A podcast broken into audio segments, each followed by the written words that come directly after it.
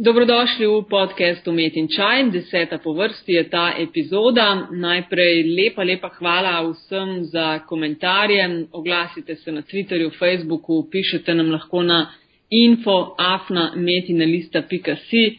Vse je zelo dobrodošlo in pomaga pri tem, da bomo še boljši in da ustvarjamo podcast vreden vašega časa.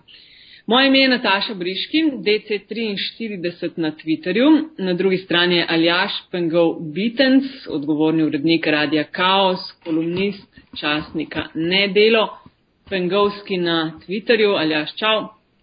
Živijo. Zraven njega pa Andrej Karoli, di glasbeni urednik na valu 202 oziroma urednik z veliko začetnico Vejca za glasbo. Vejca. Andrej Karoli na Twitterju. Andrej, resna in iskrena hvala, da si se nama pridružil. Resno in iskreno prosim, ni zakaj. No, Aljaš, um, nadaljuj ti, o čem bo danes tekla beseda. Uh, istočnica je članek pred časom objavljen na spletni strani rtvslo.si, radijska prostitucija v Sloveniji, plačaj pa te bomo vrteli. Ja, um, Mislim, da je ja, dejansko je bil član, članek na uh, spletnem portalu državne televizije, kot mu jaz rečem. Javne. Ja, javne, se upravičujem. Uh, in piše, pisalo je pa o uh, nečem, kar je pač zgodba, ki spada v tisto, saj vendar vsi vemo, da se dogaja, ampak še nihče, ki ga jaz poznam, uh, še manj pa jaz sam bi sem se kadarkoli srečal s tem pojavom. Namreč, da radijski uredniki na komercialnih radijskih postajah zahtevajo, oziroma še huje, tržniki na komercialnih radijskih postajah zahtevajo od slovenskih avtorjev glasbe plačilo za to, da njihove komade uvrstijo v tako imenovani power play, se pravi pospešeno predvajanje v programski schemi. To je to. Jaz za začetek moram reči, da mogoče zato, ker sem tako zelo nepomemben uredniček na tej medijski krajini, nihče nikoli ni prišel do mene in rekel, koliko hočeš za to, da boš vrtel mojo glasbo. Hmm. Uh, Andrej, a lahko ti mal razložiš, ker si vsem uh, zelo prisoten v tem uh, slovenskem glasbenem prostoru, uh, če mal deliš razmišljanje z nama oziroma z nami, eh, kakšno je stanje stvari, pa mogoče tudi kakšna so pravila igre na javni radijski postaji. Zdaj, kar se tiče komercialnih radijskih postaj, eh, dejansko ne poznam zadev, da bi jih lahko komentiral. Če se je to zgodilo, kar se je zgodilo, eh, se je pač zgodilo. Ne zdi se mi neverjetno, po drugi strani se mi zdi pa vsaj moralno, če že nekaj drugega sporno. Na javni radio televiziji, pa če se zdaj omejim na radio, ne poznam primera, ko bi kdorkoli pristopil k meni, a, b, komorkoli od urednikov, ki jih jaz poznam oziroma z njimi sodelujem, in vprašal za ceno.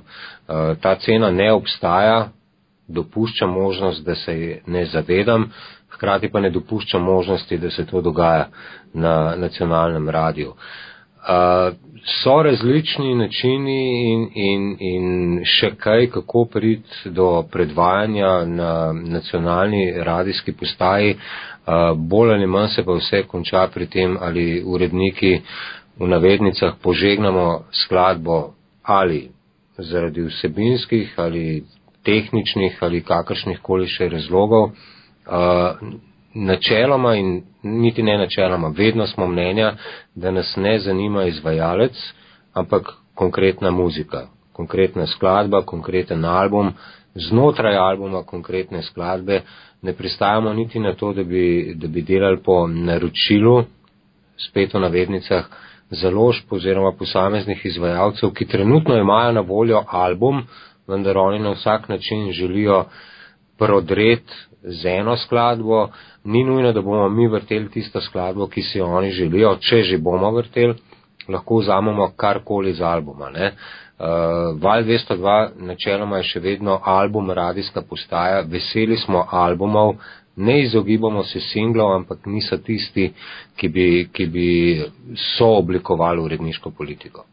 Uh -huh. uh, Andrej, omenil si načini da obstajajo različni načini, kako priti do predvajanja. Ja, recimo, veliko krat se pojavlja v elektronskih pismih vprašanje izdal, izdala, sem novo skladbo ali jo boste vrteli in potem ni priponke. To ni eden od načinov, da bi se vrtel na nacionalnem radiju. Če je priponka, prijazno odgovorim, da bom poslušal, da bomo preposlušali in se oglasimo z izgovorom. In potem steče tisti proces, uh, ki sem ga prej omenjal, preposlušamo, ocenimo, gre, ne gre, gre redko, gre pogosto in tega odgovora je potem avtor oziroma izvajalec deležen. Se pravi, en način je elektronski. Drug način je hard kopija izdelka. To imamo zelo radi vsi. Ja, ne, lahko je na zgoščenki, ni problema. Arhiviramo v centralnem mediatečnem arhivu in potem zadevo pripeljemo do broadcast sistema, ki ne oddaja iz CD-jev. Hm. Uh, to sta pravzaprav edina dva načina. Uh, Nataša, če lahko jaz mogoče tukaj eno, eno pombo dodam, ne, z, ker se jaz večino Nataša je mislila, da obstaja kakšen način, ki ga ne bom priznal. Ja, ne. ja, ja. ne, ampak je tukaj veš, e, e, ena zanimiva stvar, čist resno. Ne? Ta premik, ki so ga naredile založbe in e, tudi avtori iz CD-jev v MP3, je zelo um, uspodbudil to, o čemer je prej Andrej govoril, ne? o, o forsiranju singlov. Ker prej je bilo teh zlatkotov, zapravo doma napečenih CD-jev, ki smo jih dobivali gore in gore in gore in zdaj, če si imel srečo, si oziroma če ima avtor srečo, si v tem šundru, ne, ki se je glasbeno urodniku na mizi nabiral, ravno pač na njegovega bom rekel na leto in samo po svetu. Ne. A, zdaj je pa tako, načeloma stvar, na katero ciljajo je, o, glej, single, super, glej, dreger grobazo in o, se vrti. Ne. Ampak a, ironija pa seveda je v tem, da je prag za narediti MP3 še nižji kot prag za zapeč CD ne, in, in, je, in, je, in je avtorjev, ki to delajo še več kot prej. Kaj recimo, Andrej, pa nate tudi, uh, Aljaš, kaj vpliva, da vrtiš uh, določeno muziko? Koliko recimo izbereš, kako izbereš popevke tedna? Uh, predvsem me zanima tukaj domači del. Kakšne, kakšni so kriteriji? Znotraj, globalno gledano, znotraj uredništva je uredniška politika, ki je dogovorjena, ni zapovedana, se pravi bolj ali manj Eh, ne bolj ali manj vsi uredniki oziroma urednice znotraj uredništva za glasbo imajo uh, svoj glas, uh, potem prevaga večina in to je enak, enak primer tudi pri, pri popevki tedna. Ne. A. Nova produkcija, B. V skladu z uredniško politiko, C. Pravzaprav že ni več. Ne. Uh, tako da to je, kar se domačega dela tiče. Ne in, in ni najlažje delo na svetu, je pa precej lažje, kot biti član komisije za mis sveta, uh, dobiti uh, približno, se pravi, 52 krat 3 je 156. Ne? Ja, ja, ja. 156 uh, svežih uh, z uredniško politiko strinjajočih se muzik na leto. No, evo. Ampak hočeš reči, da ti, ki si recimo urednik na enem radiju, ki ima največjo poslušanost v Sloveniji, eh, ki je prisoten že desetletja, da razen tega, da elektronsko pošto dobivaš, pa recimo, da pošiljajo po običajni pošti posnetke, da ne zaznavaš tega, da bi recimo te kdo, ne vem, ti ponujali kakšne karte ali te ne vem, vabli kam vse s ciljem da bi. Karte za fitness. ne vem, le, le. Kar, za pilates. Karkoli. Ni, ni načina, da bi na te poskušali. Imate tako ostro to uredniško politiko, da noben niti zraven, da noben niti ne poskuša na takšen način, a se tebe bojijo, ali ker bi si predstavljala, recimo, da je tega veliko. Ja, vsej so različni načini. Ena, eden od načinov pritiska je preveč elektronskih sporočil, eh, preveč telefonskih klicev, ampak načeloma je že pri prvem odgovoru ali v elektronski ali po telefonski obliki je bolj ali manj jasno, a nekaj bo šlo skozi in če zakaj, oziroma če nekaj ne bo šlo skozi in če ne, zakaj. Ne? In, in eh, še vedno je ne vem, 80 do 90 odstotkov uh, tistih, ki, odgo ki jim je odgovorjeno na tak način, je to, je to to. ni, ni več debate. So nekateri, ki skušajo še večkrat in še večkrat, ampak pravim, tukaj ne govorim jaz o, o izvajalcih, govorim o skladbah. Ni nujno, da je komplet diskografija izvajalca številka A neprimerna za uredniško politiko Vala 202. Daleč od tega. Ne zanima me in, in večkrat javno povem, pa še zdaj bom, ko bo izvajalec, za katerega se v tem trenutku javno zdi, da ni teorije, da bi se zavrtel na valu 202, sproduciral muziko, ki bo šla v kontekst tega, kar je naša javna uredniška politika, potem ni več uvere in mu je lahko ime A, B, C, Y. Popolnoma vseeno. Omenil si tiste odstotke, ki razumejo, ko odgovorite na mail, recimo, ne vem, nekaj gre ali pa ne gre skozi. Ali so tudi kakšne agresi so bili kakšni agresivni odzivi, kadar kaj ni šlo, kakšni. Ni neagresivni, ampak eh, v nekem kontekstu, eh, ne vem, iščem pravo besedo za čustveno izražanje. Eh, še malo bi brcov, pa še malo bi, pa, pa kako, pa zakaj, zakaj pa lahko tisto, zakaj pa ne to. Ne, agresije v smislu uh, olimpijskih iger v Sočiju, ne. ne. Nataša Andrej je tu zelo, zelo prijazen, ne? najbrž to pritiče tudi njegovemu ugledu. A, a ti lahko jaz eno anegdoto povem? Prosim. A, po spletu je zadnje čase krožil Soul Greg z, z njegovim um, zelo lepo zapetim komadom, ta hip se ga ne bom spomnil. Nekaj uh, z In, in, z njim je. Z njim, z njim, z njim, z njim, z, z njim z nad nami. Ne, ja. tako. In stotin, ne znam, desetine in desetine pozitivnih komadov pod pač YouTube accountom, spletno stran, kakorkoli, kako je to super in oh in sploh in ne vem kaj. Ne. Um, kar je mogoče eden od obvodov tega, ne, kar je uh, Andrej zdaj opisoval, ker namreč Soul Gregova menedžerka, če se, ta, pač, če se jim lahko tako reče, uh, je konkretno večkrat v, uredništvu Radia Kaos klicala, če bi mi kaj ga vrteli, pa imeli intervju, pa tako dalje. Ja. Um, mi imamo pred nami do, dokaj niže, oziroma ja, niže kriterije kot Val 202. To goes without saying. Ne? Uh, Ampak eh, imamo, imamo vendarle obstaja pač neka, ne, ne, nek cut-off limit, ne, ko rečeš, le tole pa res ne. Mi imamo pač neko tako splošno poprok uh, orientacijo, mrčkem bolj na rok kot uh, sicer, ampak ne rečemo ne, če gre tudi za vem, zanimivega izvajalca, ki mogoče nam ne paše kontekst.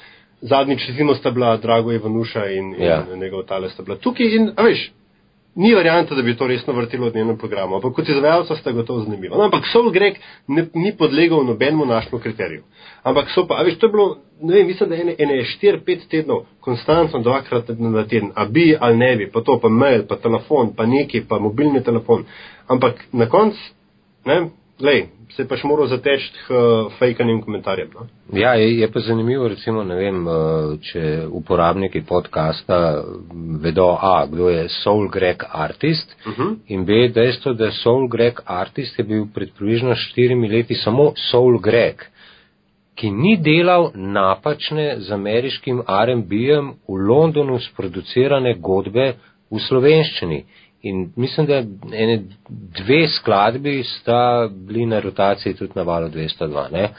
Soul Greg je Gregor. Ne? Ja, On je, ja, ja. Ne, vsej svoji trenutni apokaliptični velikosti je bil en fin dečko, ki je poslal posnetke in smo mu odgovorili, da je v redu. Kaj se mu je zgodil v zadnjem letu, pa pač ne vem. Morala zgodbe, ne, tudi na slabše gre lahko. Ja. No, hvala, da ste to pojasnila, ker uh, jaz se upravičujem malo moji nevednosti. Uh, sem prvič slišala za Soul Greg artista. Uh, si bom, bom pogooglala. Da, Kljub vsemu je artist. Ne? Je, ne, je. da, da se mal bolj seznanem. Zdaj, moje radijske izkušnje so, ko sem začenjala novinarsko kariero, sem začela na lokalni radijski postaji. Uh, pa me zanima, vidva sta eden na nacionalnem, v kiro kategorijo ali jaš pa sodi tvoje, uh, tvoja radijska, vaša radijska postaja? Za, zakonsko gledano smo komercialni, ne? ker to je edina kategorija, ki poleg javne in uh, kategorije posebnega pomena obstaja. Če bi se moral pa opisati, ne, bi rekel pa, da smo S posebnimi potrebami. s posebnimi potrebami. Ja. A, multimedijski hiperlokalni. Ah, ok. A, a gre čez. Gre Okay, čez. ja. no, ampak ja, recimo da, sem, recimo, da sem lokalni za potrebe tega pogovora. Recimo, ja. da ste nadstandardi. No, po vajnem vedenju obstajajo kakšne razlike med tem, kjera, katera glasba in kateri komadi pride v poštev med temi, ne vem, komercialnimi, nacionalnimi, lokalnimi, nacionalno radijsko postajo. Uh, kakšna je praksa v svetu? A veste, kaj o tem uh, povedati? Ja, izkušnja je, da je praksa uredniška politika oziroma v tujini bolj ali manj uh, format narekuje vsebino, glasbeno vsebino. V tujini je pred, pred, predvsej laže, recimo, če zdaj govorimo o Združenih državah Amerike, to je ogromen trg z ogromno poslušalci, z ogromno možnostmi. In v Združenih državah Amerike v kontekstu tamkajšnje zakonodaje in še česar koli, kar sem prej omenil, ni problema narediti formatirano radijsko postajo, ne bo to bluzovska postaja, rokovska, gospelovska, kriščen, karkoli. V Sloveniji medijska zakonodaja v tem trenutku, govorimo o zakonu o medijih, onemogoča v tem kontekstu povedano formatirano radijsko postajo. Razen svetla izjema, pa ne me narobe razumeti, je radio Veseljak, ki vrti izključno domačo produkcijo, ki pa žanrsko ni formatirana. Je pa izključno domača produkcija. Um, težko si predstavljam v tem trenutku, da bi katerakoli radijska postaja v Sloveniji, ali regionalna, ali je s posebnimi potrebami, ali kar, karkoli, sploh pa ne nacionalna, ki ima recimo v zakonu predpisano kvoto 40 odstotkov domače produkcije, lahko producirala blues program. Ni, mislim, v tem trenutku, če imaš 24 urno vdajanje, ni teorije, da za teh 24 ur nabereš 40 odstotkov slovenskega bluza. No, ni, ni teorije. Problem je v bistvu še nekje druge, namreč čisto smo rekel format, ne, ali pa nekaj, kar bi bilo naj, najbliže definiciji formatiranega radijskega programa, je vendarle ars, ne, kot, kot program za resno glasbo. Ne. Ja, ki mu zakon prepoveduje oglaševanje, tako, čeprav si vemo, da je klasična glasba tudi v sodobnih izvedbah ena najdražjih produkcij. Mm. Ampak ja, to je zakonom predpisano in spada med nacionalne programe in 40 odstotkov domače produkcije. Ja, še vedno velja. Z vedika, z vedika komercialne radijske postaje, ne, pa lokalne, pa tukaj pač poleg tega, kar je Andrej povedal, seveda problem tudi nekje druge. Problem kupne moči, ne, recimo tak zelo tak eh, klasičen, da rečem klišejski primer je slovenski jazz radio. Ne. Že, že, že, že Brane Rončel ima težavo z jazz oddajo, pa jazz festivalom, pa karkoli, ker se pač giblje znotraj, ne vem, na pamet bom rekel 2000 fenov, uh, ki pač potem krožijo od dogodka do dogodka. Uh, kamoli, da bi ti, ne vem, dubu neko resno populacijo, ki bi jo nagovarjal s to vrstno glasbo, ki bi potem zanimala oglaševalce, ne, ker pač prejvete treba. Mislim, da je problem formatiranja radijske postaje v Sloveniji predvsem tu. Ne. In tukaj, ne, zdaj, če se vrnemo na začetek te, na, te naše zgodbe, bi lahko, bili, uh, bi lahko bilo seme tega, zdaj pa ne vem, res ali mita ali dejanskega dogodka, ne, da, da je treba plačati za, za predvajanje. Ker fakt je, da je v Sloveniji radijskih postaj, radijskih programov preveč za 2 milijona ljudi, sploh ja, komercialnih. Ne, pri teh zgodbah o, o plačljivosti predvajanja, ne, se, se lahko gremo kmečko varianto, je ponudba in je povpraševanje. Ne, in je lahko konec debate. Ne. Osebno je moralno sporno. No, no, ne, mislim, gotovo, ne, ampak ho, ho, hoč, hočem reči pač še več, ne, da, da v. Uh, ker imajo tako, ko elektronski mediji imajo isti problem kot, kot tiskani mediji, da pogosto nimajo lastnika, ki ve, kaj medij je.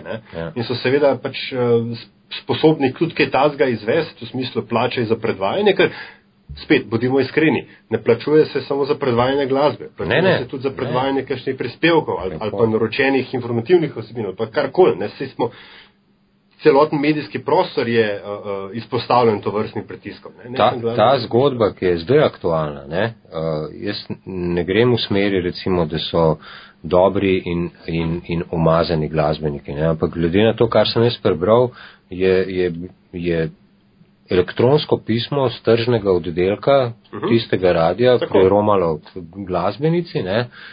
ona je bila začudena, ampak če je to že izoblikovano prišlo, ne, se pravi to v praksi. Ja, Verjetno ima ta radio izkušnje z tistimi, ki niso bili ogorčeni nad ponudbo. Uh -huh. Predvidevam. Ja, ja ne, sej, ampak, ampak hočem reči, stvar je to, ker recimo meni se v zadnjem zgodilo, da je za eden od, uh, bom rekel, mlaj, nek PR-ov mlajše generacije, ko je vabo na novinarsko konferenco, ne, ja. je, oziroma na dogodek, je naravno vprašal, koga postala objava. Ne? In sem mu jaz zdaj, mogo, pač, mogoče mečken čistunski zdi, me so rekel, kako mislite, kako bo stala. Ne? To je pa vse se zbrihto, sem rekel, vam pošljem ponudbo, ampak je bilo že prepozno. Ja. Skratka, je, mislim, da obstajajo indice, da obstaja, bom rekel, neko medsebojno razumevanje na nekih ravneh, v smislu, da če nekdo nekaj zahteva, pol nekdo nekaj da, oziroma da je nekdo nekaj pripravljen dati. To igro morata igrati dva. Ja. Ne?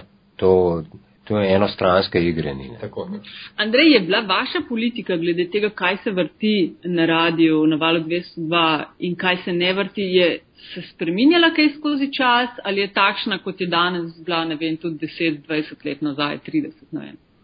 Ne, tako daleč, a gotovo ne. Ker je zgodba, zgodba vse poslušalci z daljšim spominom ali pa samo z nižjo letnico rojstva, Eh, gotovo pomnijo, da na valu 202 si lahko pred 20 plus leti slišal marsikaj, česar se zdaj več ne da slišati, a iz preprostega razloga, ker pred približno osmimi leti je šlo kljub vsemu, čeprav počasi korak s korakom, do nekega razhajanja med, med, glasbeno, med glasbenim izrazom, ne vem, prvega programa, drugega programa.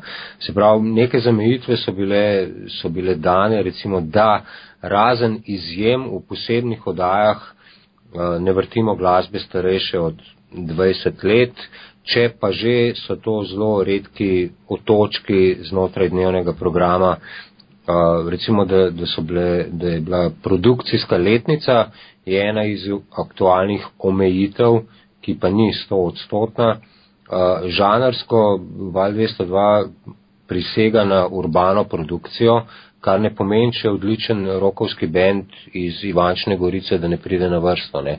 Govorimo o nekem urbanem izrazu. Eh, zvrstno pop, rock, hip-hop, elektronska muzika, blues ni izuzet, jazz ni izuzet, ampak so te, ne bom rekel marginalne, ker bi lahko kdo narobe razumel, eh, glasbene zvrsti eh, odmaknjene, v dele programa, kjer lahko tudi poslušalci si vzamejo čas in v realnem času poslušajo take vdaje. Je pa, je pa dejansko vse več in vse več uh, uh, prijaznih zahtev, bom rekel, po vseh specializiranih glasbenih vdajah, ki, ki bi bile na voljo tudi na poslušanje na zahtevo. Načeloma Radio Televizija Slovenija v vseh svojih programih ali radijskih ali televizijskih skrbi za to uh, po on-air uh, produkcijo, tako da načeloma so vse stvari, ki so bile uh, na radio ali na televiziji dosegljive, razen kjer gre res za omejitve naših partnerjev, ki ne dopuščajo, ne vem, spletnega hranjenja, ne vem, na zadnje koncerta Nika Cave in The Bad Seeds, ki smo ga prenašali iz Berlina ali pa recimo pri teh večjih zadevah so nekatere omejitve, ki se jih pač želimo držati, ne zato, ker mi ne bi hotel privoščiti nekomu, da bi naknadno poslušal nekaj, ampak ker enostavno imamo predobre odnose ali z Evropsko zvezo radijskih postaj ali s posameznimi partnerji, ki nam omogočajo takšne stvari, ki pa so dosegljive samo nacionalnim radijskim oziroma televizijskim postajam. Ne.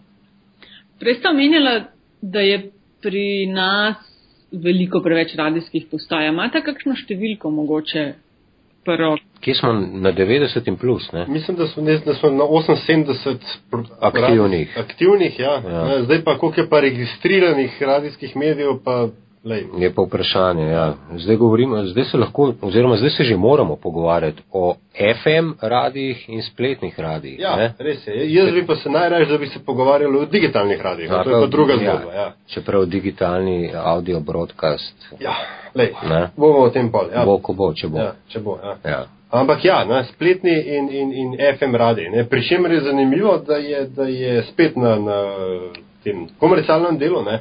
FM še vedno velja za sveti gral.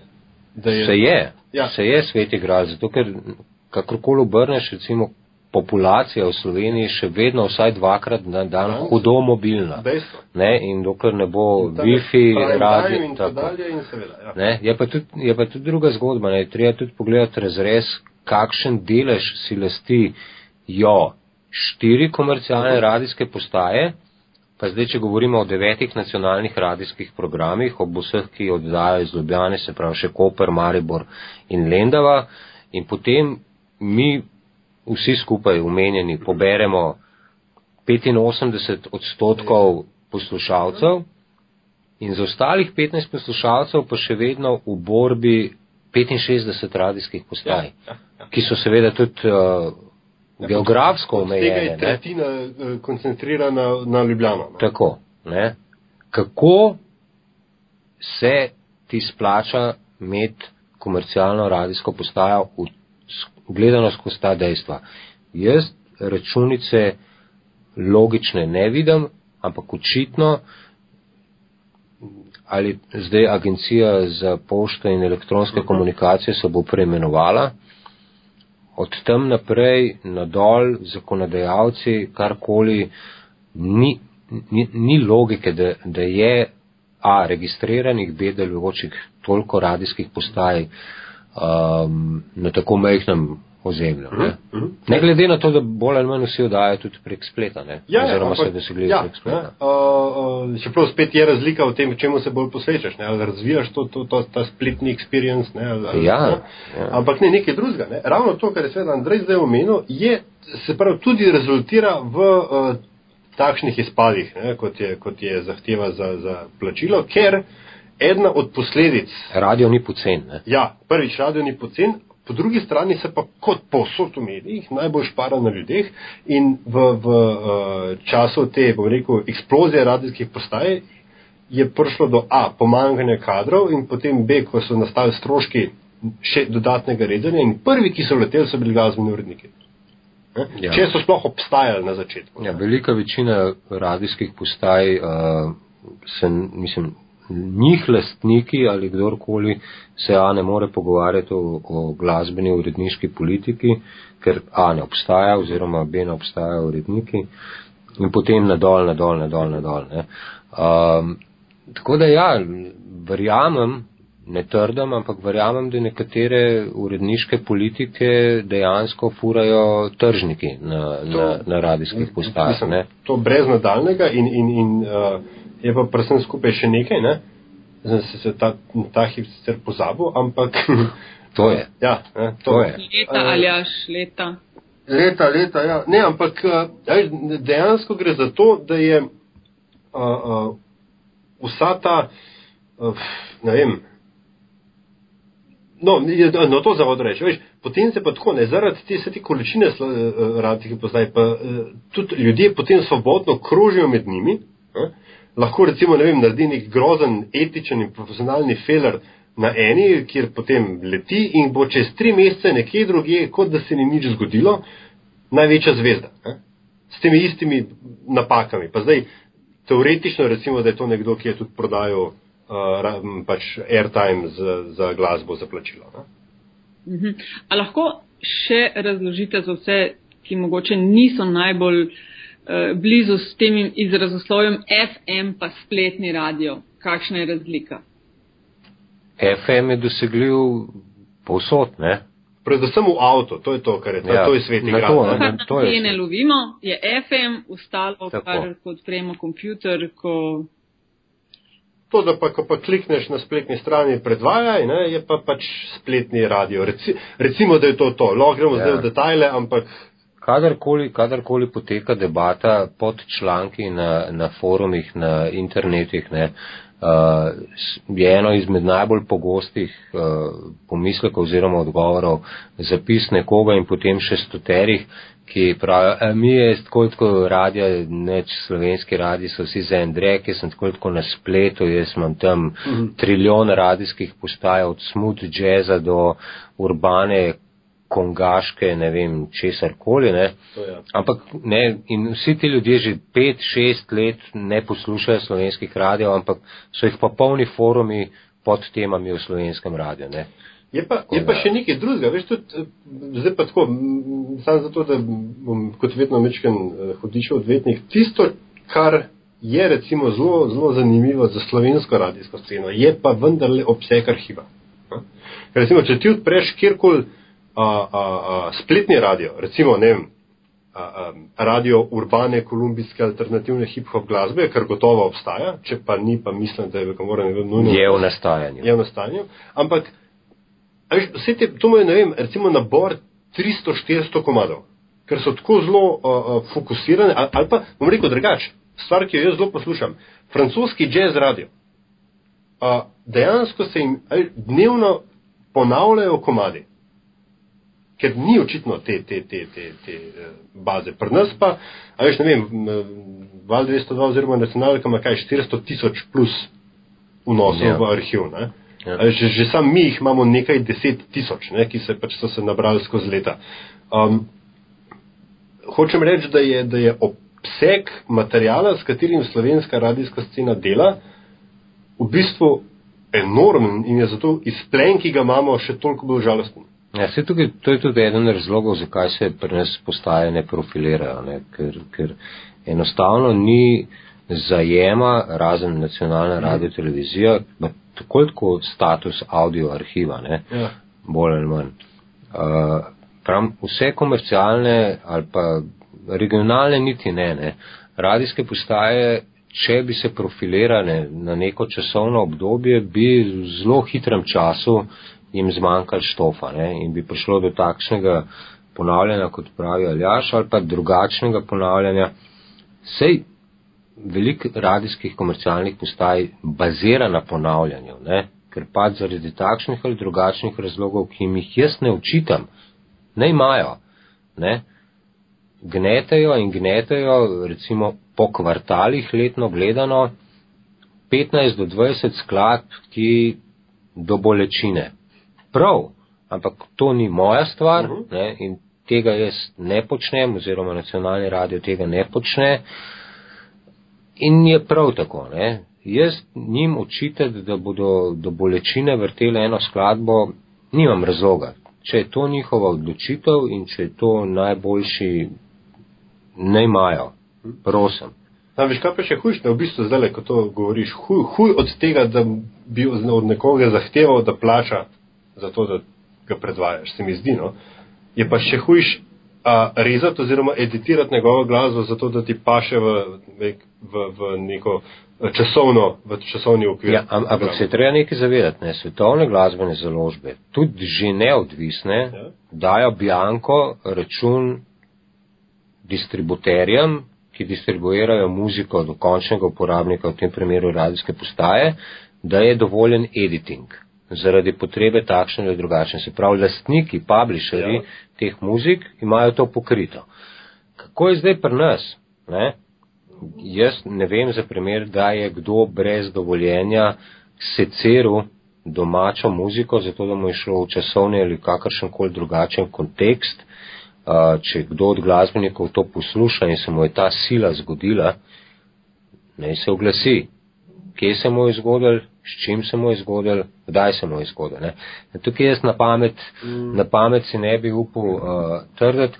Je pa, se pravi, vse te velike založbe pa tako tako producirajo, ko, ko se naredi album, ob albumu obstajajo še vedno tako imenovani radio, radio edit. edit ja, to, to imamo radi. To je to, na radiju. Ja. Vidva pa se pravi, nista niti slišala, ali sta mogoče vsaj slišala za te neke, kokr neuradne cenike za vrtenje sklad. To, o čemer uh, Apolonija govori v tem članku. Jaz sem bil absolutno zgrožen, ko sem prvič to prebral. Res. Jaz sem bil tudi absolutno zgrožen, ko sem prvič to slišal, je pa res, da sem to slišal pred desetimi leti. Ampak zakaj hm? sta, bom pa jaz zdaj še mal hudičeva odvetnica, zakaj sta tako zelo, ja, ja, pazi, zakaj sta tako zelo zgrožena? Ne? Ker se konc koncev glasbeniki in glasbenice, oni nekaj producirajo. Te njihovi komadi, albumi, karkoli so izdelki, prek katerih se, ne vem, prodajajo karte za koncerte, prodajajo t-shirte, prodajajo majčke, karkoli. Zakaj je tako zelo narobe, če bi morali plačevati za predvajanje? Se sta oba dva rekla, imeti radijsko postajo, uh, pa jo uh, vzdrževati in vsak dan, ne vem, 24 ur programa delati, zahteva uh, tudi velik, velik denarja. Zakaj se je to smelo zaračunati? Zgodba, zgodba je problematična v tistem trenutku, ko jo lahko obrnem. Pustim ob strani nacionalno radio televizijo in vse, vse programe in ostanem, ostanem pri komercialnih radijskih postajah. Če to postane normativ, pa zdaj ni pomembna številka, 150 evrov plus DDV za nekratno predvajanje konkretne skladbe. Ne samo danes, ko je še vedno recesija, ampak na dolgi rok gledano koliko glasbenikov si lahko to privošči. Ker to je recimo zadnji konkretni strošek do prepoznavnosti, se pravi javno radijsko predvajanje, predtem so pa stroški snemanj in še vsega, kar pride iz glave, rečeno, recimo, da produkcija ene skladbe stane 1000 evrov. Potem pa še 150 plus DDV za nekratno predvajanje na postaji A, In od tega trenutka, ko bo to ok, postaja B ne bo več vrtela za ston. Postaja C tudi ne, postaja N tudi ne. Cene bodo različne. Če je to zgodba o prihodnosti vrtenja domače produkcije na radijih, dajmo si malo večjo sliko gledati. To, to je zelo slabo. To, ne, tega si nihče ne želi. Nihče. Mislim, veš, Nataša, da tukaj pride do izraza vendarle tudi ta neka vloga medija kot gatekeeperja. Ja. Namreč predstavlja si zdaj zna, bolj znanega področja, predstavlja si, da bi bilo od, odvisno, se pravi, da bi bila finančna komponenta tista, ki bi odločala, samo odločala, ampak ja, ne, da bi odločala od tega, na kjer novinarsko konferenco ali pa kjer dogodek bomo pokrili. Recimo neke politične narave, veš. Ne? Nekaj, kar, kar dobre glasba je v javnem interesu. Ne samo zato, ker se lepo sliši, ne? ampak zato, ker gre za nek kulturni prerez ali pa prerez kulturne, pop kulturne ponudbe nekega naroda in nekega okolja. Ne? In če je radio gatekeeper, se pravi vratar dobrega in slavega, potem naj svojo vlogo upravlja tudi na tem področju. Ne, ne gre samo za to, oziroma ne sme biti uh, nek tak scenarij, kot ga je Andrej Ravnkar opisal, nekaj, nek, neka distopija, ki bi nas čakala no, v prihodnosti. In, zgo, in zgodba je stara, sam, sam še to dodam. Ne. Pred leti, se pravi, zdaj to govorimo že 6, 7, 8 let, pred sprejetjem aktualne zakonodaje v medijih, ne, ko, ko so prišle te aktualne kvote domače produkcije, sem jaz večkrat sedel na nekih oktaederskih mizah z različnimi zagovorniki tega ali onega. Ne. In sem bil jaz ob komercialnih postajah načeloma kar glasnik tega, da ne kvote. Zakaj pa rabimo kvote? Ne? Zakaj rabimo kvote? In potem je bil en lobby, ki se je oglašal na temo finančnega izplena vrtenja domače produkcije. Uh, ampak jaz sem izhajal iz stališča, da, da delam v krogu ljudi, ki jim je povsem logično, da bodo vrteli domačo muziko tudi v najbolj poslušanih terminih. Hkrati so se pa na drugi strani mize zakonodajalci zavedali, da milje ljudi, ki furajo radijske postaje v Sloveniji, je daleč od tega, da bi imel to neko, ne govorim zdaj o nacionalni zavesti, o nacionalnem interesu, o patriotizmu, ampak neko to kulturno širino, da bi jim bilo to popolnoma logično, da domača muzika sodi tudi v tiste termine, kjer je največ ljudi priklopljenih na radio. To je moč, močno res. Jaz moram reči, da ravno, pa, pa nisem, bom rekel, tuj domači produkcije. Ampak ravno zaradi tega, zaradi te, bom rekel, nekega domoklejevega meča, ki, ki, ki visi nad tabo, ne, kot izdajateljem nekega komercialnega medija, se še mečkam bolj potrudiš in dejansko jaz moram reči, da smo pač v desetih letih, ker imamo radio, kava se šlo skozi naš studio, en kup enih mladih upcoming bendov, ki si jim je, mnogi, mnogi, mnogi od njih so dejansko ratali veliki ali pa vsaj večji in, in so zdaj uveljavljeni izvajalci. In se mi zdi to, večkrat sem ponosen na to dejstvo, ker mogoče bi rekel, gledaj, ne, že sam zato, ker se mi ne bi ljubil. Tako pa moram, pa se pa še večkrat potrudim. Ja, jaz razumem vse, kar ste rekla ne, in mogoče si predstavljam, ne vem, da bi za tiste, ki se šele uveljavljajo, vsem veljala na nek način druga pravila v primerjavi s tistimi, ki so. Ne, ne, ni. En, enkrat, ko, bo dena, ko bo pay per play legaliziran v navednicah, ne bo komercialne, pa jim ne učitam tega, ker so po definiciji komercialne radijske postaje. Jih ne bo nihče več pripričal, da bodo vrteli karkoli drugega, razen tistega, kar bo mm. plačan. Ker bo to easy money, bom rekel. Ja, razumem. Ne? Zdaj, v tem konkretnem primeru Apolonije so, ne vem, zraven še, ne vem, intervju in podobno. Ne? Spomnilo me je namreč na en film, pa se, da ponovim besede Aljaža, ne bom spomnila, kater naslov je bil, ampak Kdo igra? Kdo ja, kdo igra, ampak šlo je za vem, eno založbo, ki je prodajala Johnnyja Cash ali Elvisa Presleya. Ne? In so na radijske postaje nosili denar za to, da bi jih vrteli. Kot je prej Andrej rekel, za tango rabaš dva. Ja, se pravim, ne, mislim, išče. Ja, tukaj je zgodba obrnjena, ne?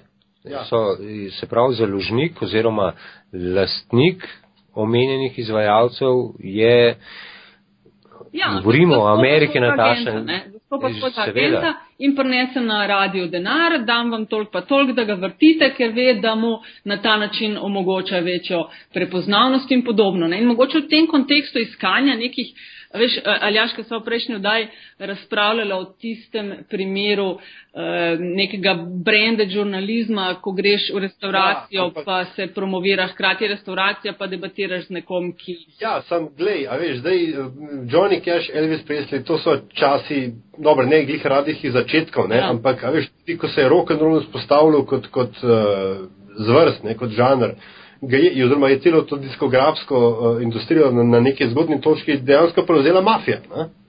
Veš, se postavlja pač tudi zelo dobri, pa žalostni filmi na to temo. Ne? Nihče ni rekel, da če, če, ker se je to dogajalo, nihče ne, ne trdi, da je to prav. Ja.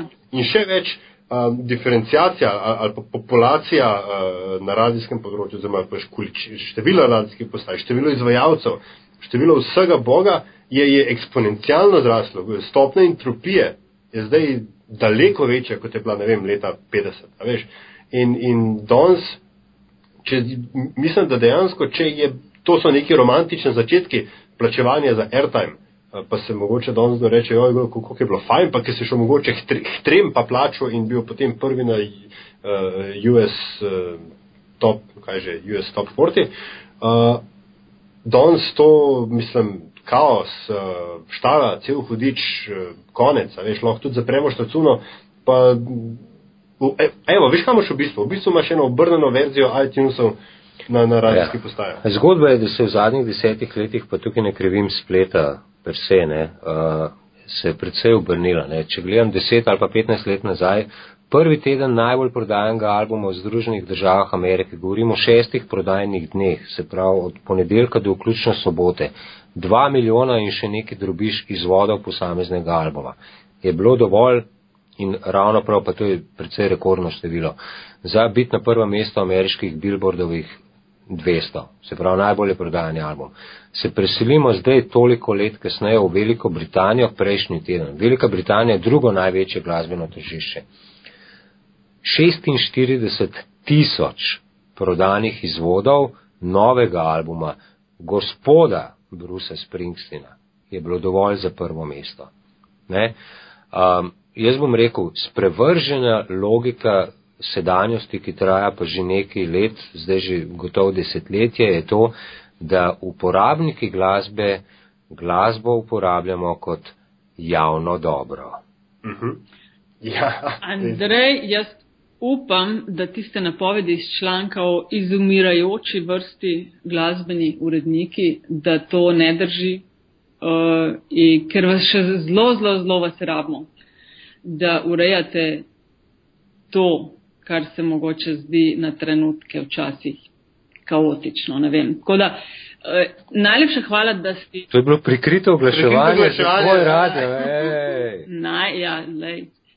Veš, kako lahko zaključiš, recimo, zakaj še vedno vzdržujete, da valovi po radijskih postajah? Hvali, tem kaotično.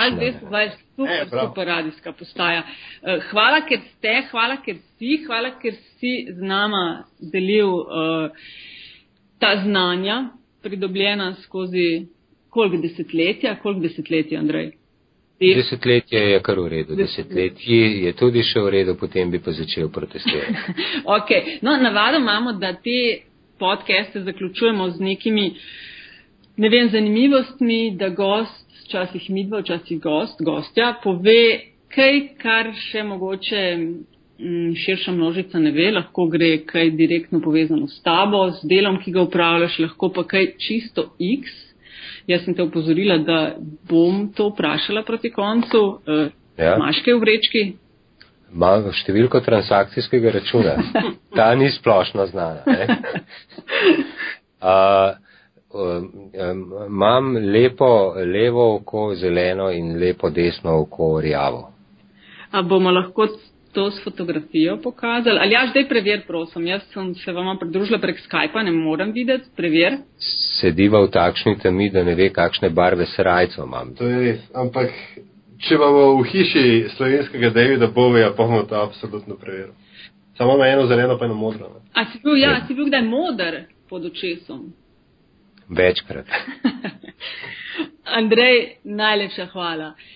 Nekaj. Eh, če ste uživali, spoštovano občinstvo, in mora biti tudi kaj novega izvedeli ob poslušanju podcasta Met in Čaj, bomo iskreno veseli vaših tvitev, všečkov in šerov, komentarji in predlogi, kako bi bili lahko še boljši. Dobrodošli tudi na infoafnametinalista.si. Če pa želite ustvarjanje vsebin na metini listi tudi finančno podpreti, lahko to storite na povezavi priloženi na spletni strani. Prisegamo, da z vašimi investicijami ne bomo financirali pornografskih kanalov, ne bomo vlagali delnic v zvonove, ne bomo se šli tajkunskega odkupa metine liste in ne za enkrat, ampak samo za enkrat ne razmišljamo o prevzemu Pop TV-ja. Hvala za vse nazaj in naprej, hvala Aljaš.